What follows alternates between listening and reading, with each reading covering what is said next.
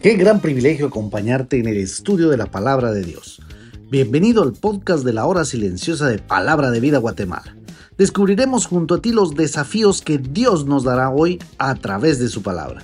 Deseamos que hayas tomado un tiempo para leer con anticipación el pasaje del día de hoy.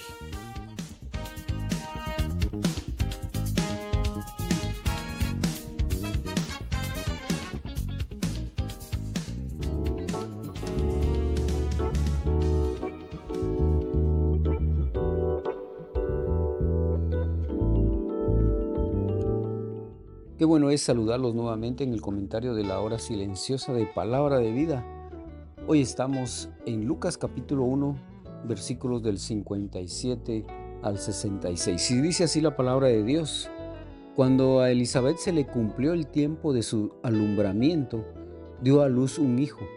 Y cuando oyeron los vecinos y los parientes que Dios había engrandecido para con ella su misericordia, se regocijaron con ella. Aconteció que al octavo día vinieron para circuncidar al niño y le llamaban con el nombre de su padre, Zacarías. Pero respondiendo su madre dijo, no, se llamará Juan. Le dijeron, ¿por qué? No hay nadie en tu parentela que se llame con ese nombre.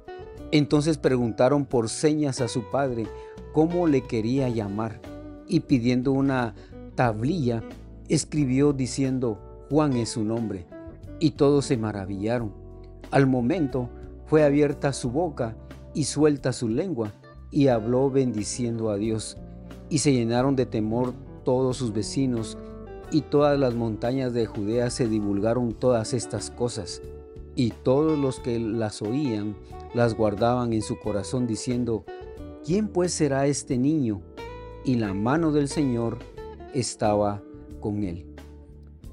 Al igual que en la sección anterior, eh, cuando Lucas escribe desde el versículo 5 al 56, las narraciones de los nacimientos tanto de Jesús como de Juan fueron arreglados por Lucas de forma paralela, pero el énfasis se encuentra en el nacimiento de Jesús que se describe con mayor detalle que el de Juan.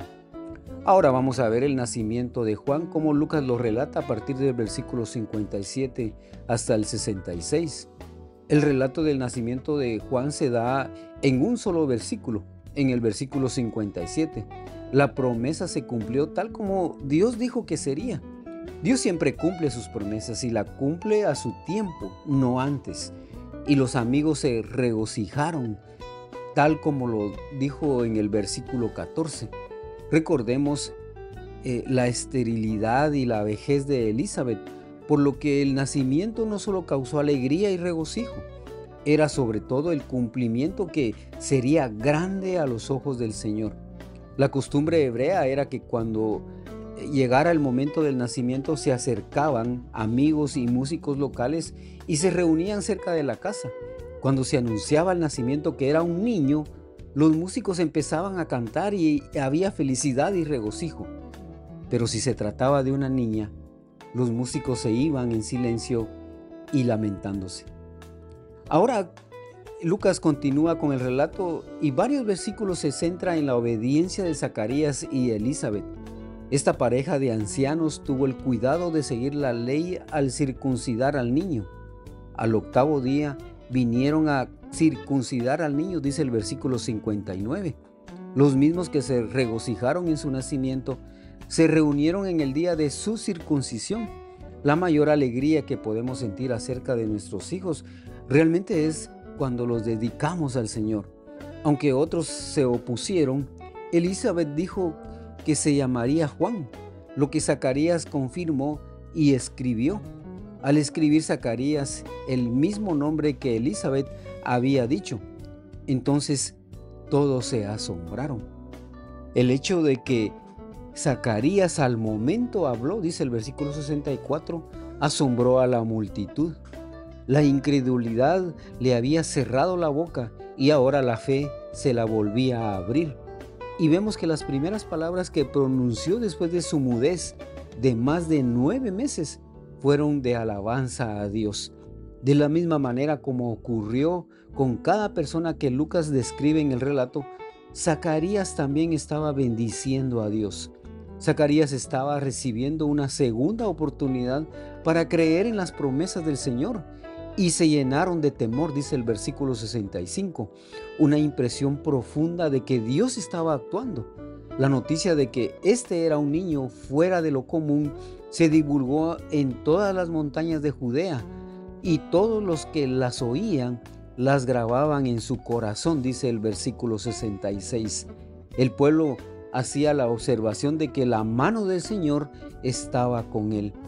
Años más tarde, cuando Juan comenzó su ministerio de predicación, en muchos que sin duda recordaban los asombrosos eventos que rodearon su nacimiento, salieron a ver y a escuchar su mensaje.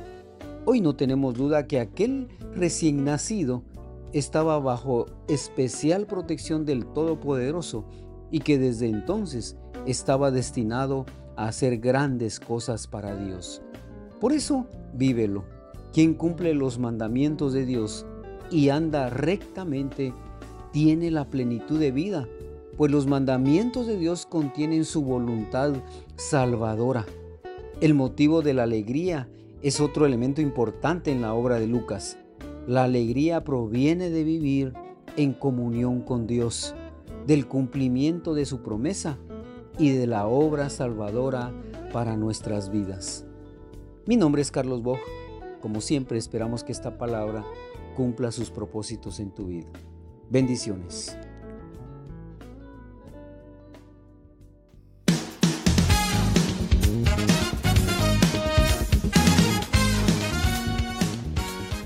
Es emocionante saber los tesoros que Dios tiene en su palabra para nosotros.